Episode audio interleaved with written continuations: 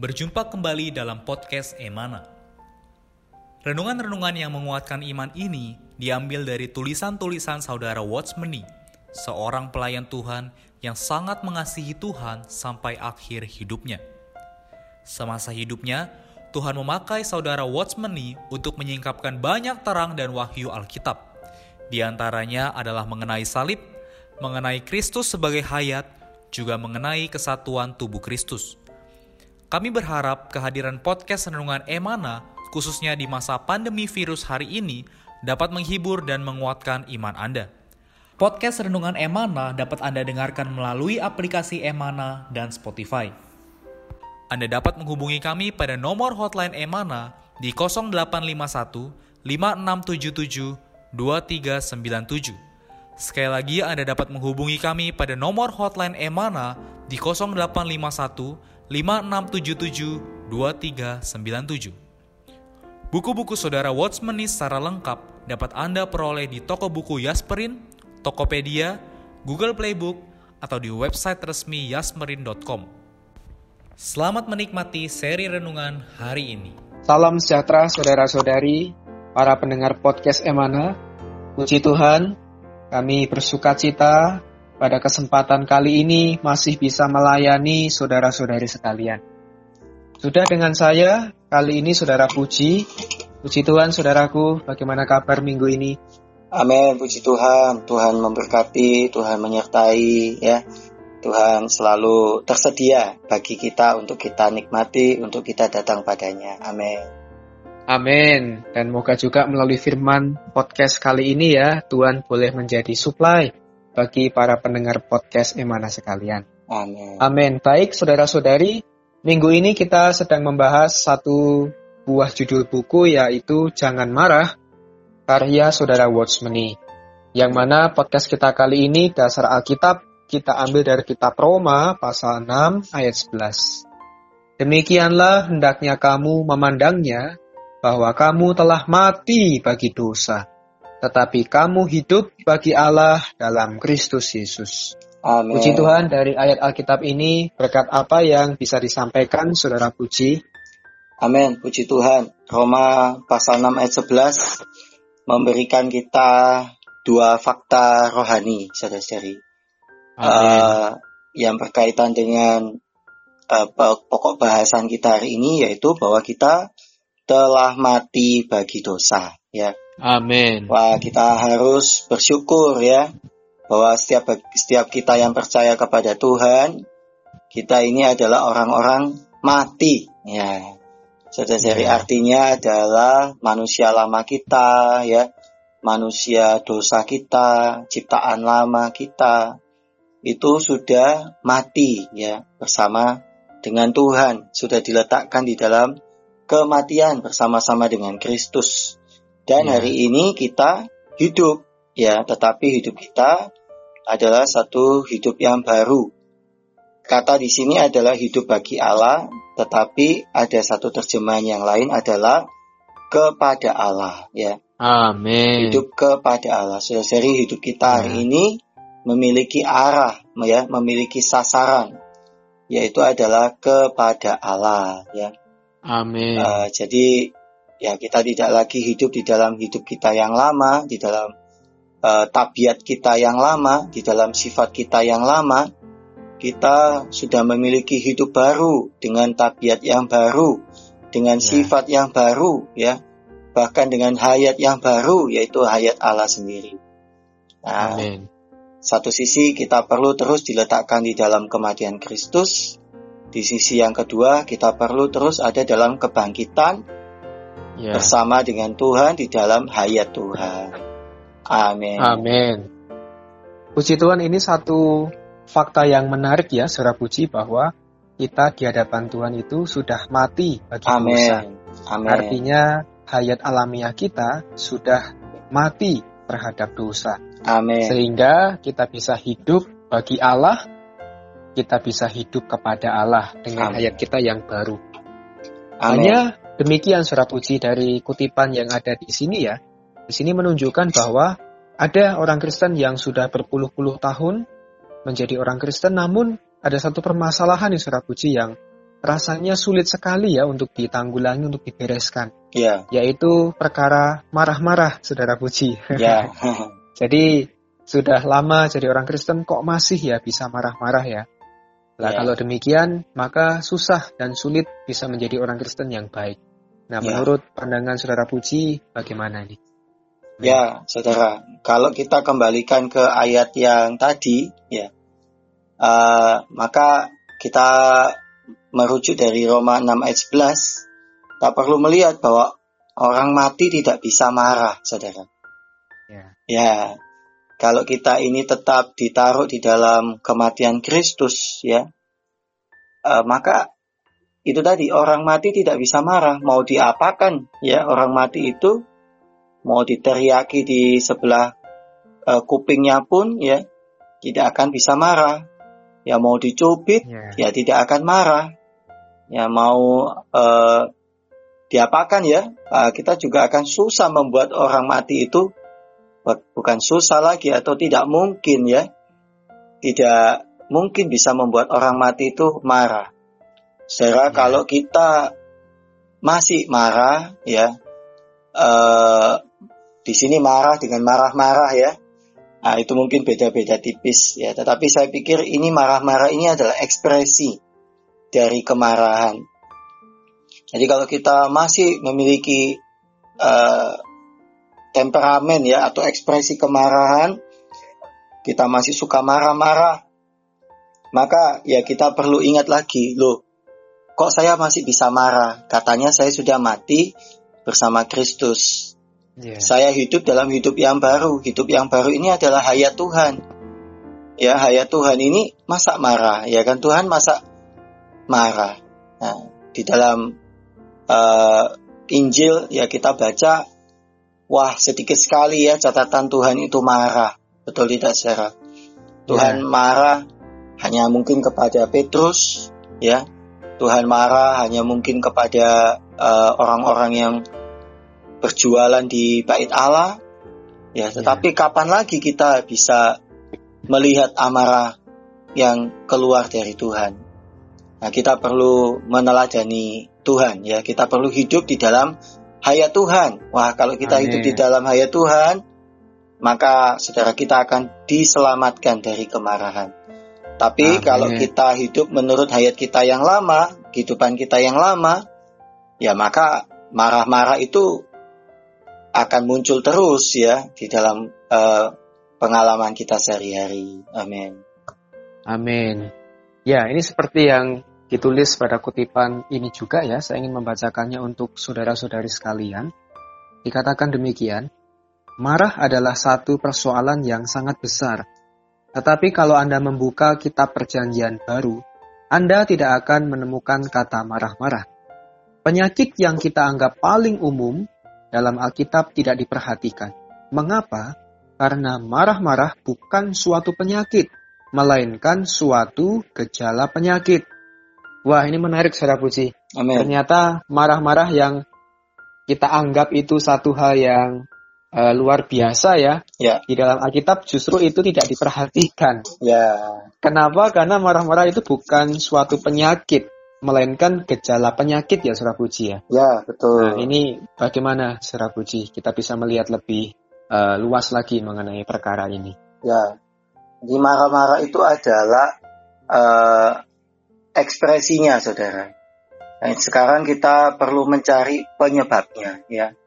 Kenapa kita masih jatuh di dalam perkara marah-marah ini, ya. Ya. Kalau kita hanya menekan amarah kita, eh, tetapi tidak menemukan akar permasalahannya, maka ya itu akan muncul lagi terus menerus, ya, saudara. Eh, Ya. kita perlu datang kepada Tuhan, ya, mohon terang Tuhan, ya, kita boleh bertanya kepada Tuhan, Tuhan, kenapa saya marah-marah? Apa, ya, penyakit yang ada di dalam diri saya? Tuhan, saya sudah hidup di dalam hidup yang baru. Ya, tetapi Tuhan, saya masih marah-marah. Tuhan mohon Tuhan mengobati ya akar permasalahan di dalam diri saya. Amin.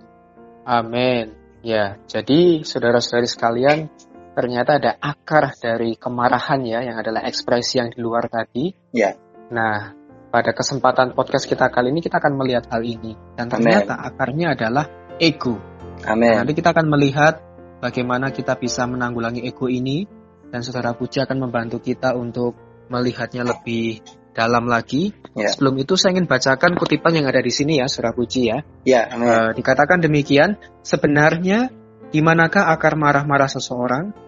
Ada satu jawaban yang sederhana, semua marah-marah itu berhubungan dengan ego seseorang. Amin. Kalau seseorang tidak membereskan ego, lalu ingin membereskan marah-marahnya, itu telah salah sasaran. Semua orang marah-marah karena egonya. Ego seseorang itulah penyakitnya. Ya. Marah-marah bukan penyakitnya. Karena orang mempunyai ego, maka ia mempunyai amarah. Kalau ego seseorang di depan Tuhan sudah dibereskan, dengan sendirinya amarahnya akan berlalu. Amin. Sebab itu Alkitab memperhatikan ego, tidak memperhatikan amarah. Kalau masalah ego sudah dibereskan, dengan sendirinya masalah amarah bisa beres. Kalau ego tidak dibereskan, masalah marah-marah dengan sendirinya tidak bisa dibereskan. Amin. Wah, dari kutipan ini ada satu frasa yang kita perlu soroti ya, Saudara Puji, yaitu ego.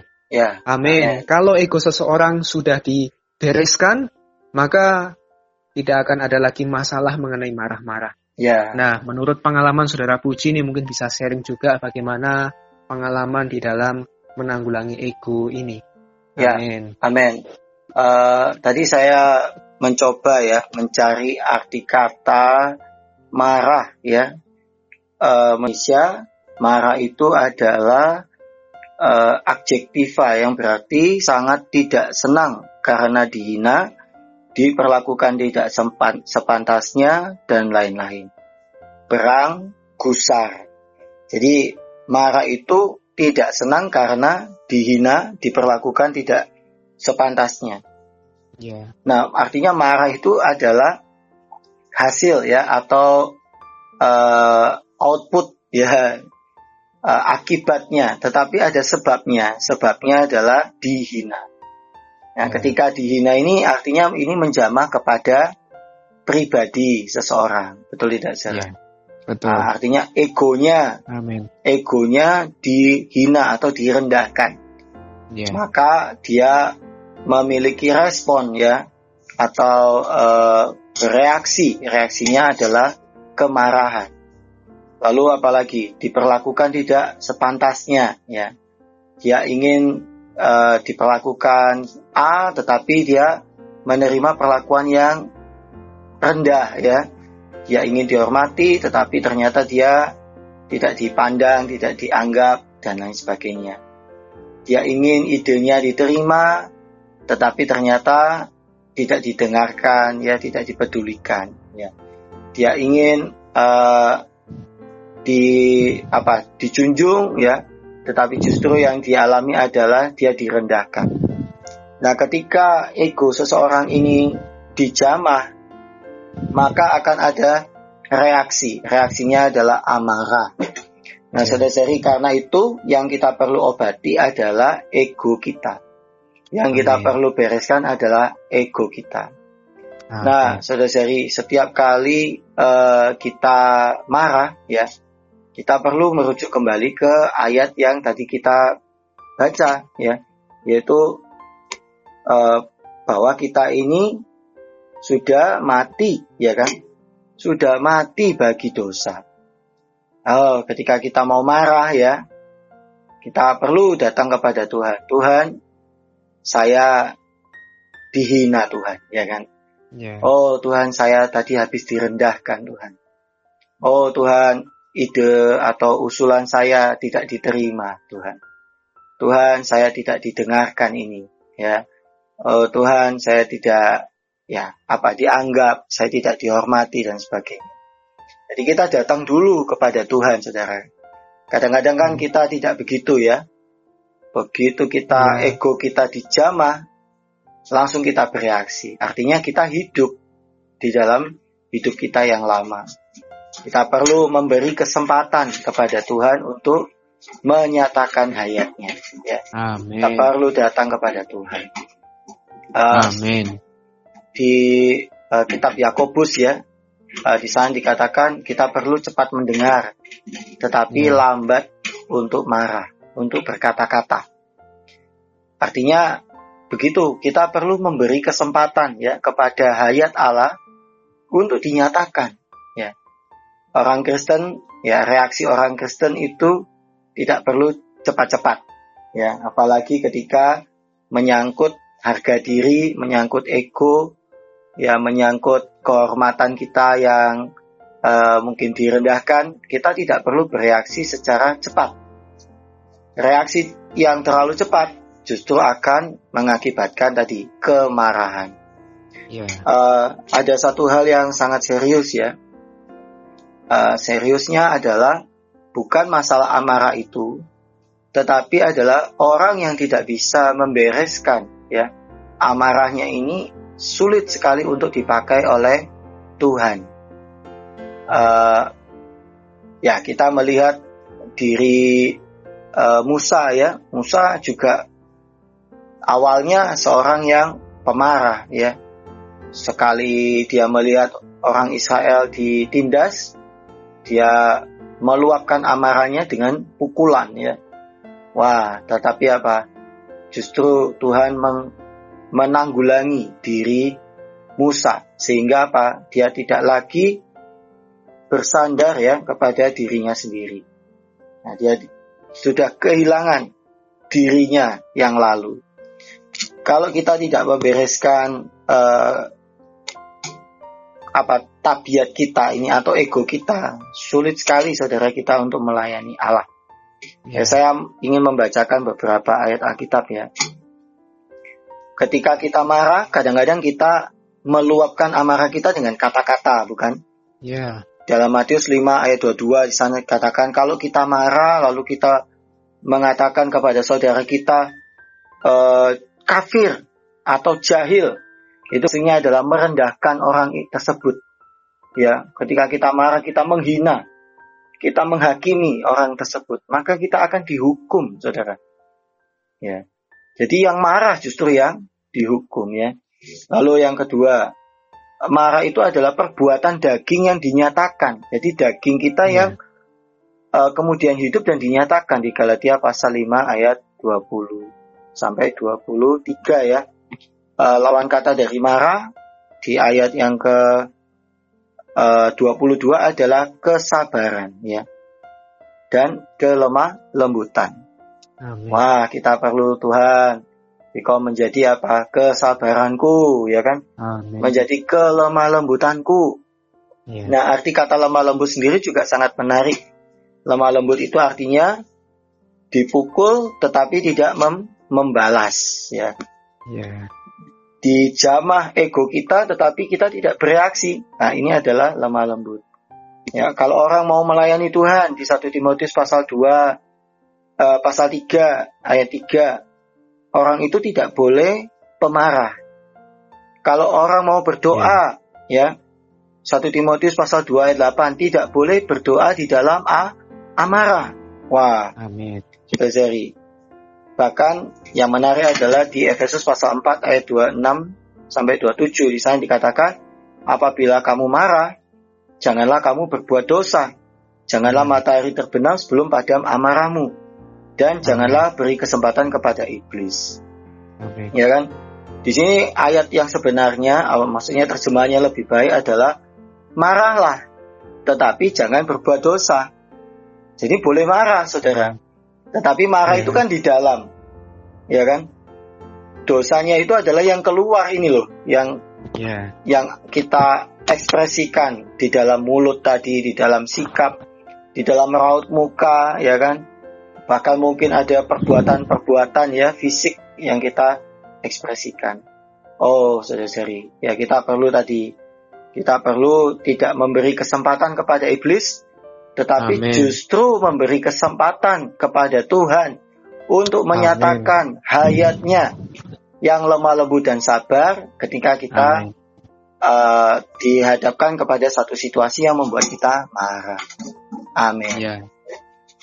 Amin. Wah, puji Tuhan, terima kasih untuk penjelasannya secara puji ya. Amin. Tadi ada satu frasa yang juga menjamah saya bahwa saudara-saudari, jika hari ini kita adalah seorang yang melayani Tuhan atau kita mau melayani Tuhan, ada satu hal yang sama-sama kita harus bereskan, yaitu ego kita. Amin. Sebab jikalau seseorang mau melayani Tuhan tanpa membereskan egonya, maka Tuhan sulit memakai dia untuk uh, pekerjaan Tuhan yang begitu besar. Amin. Semoga saudari kita semua dalam pengalaman rohani kita bisa menanggulangi ego kita.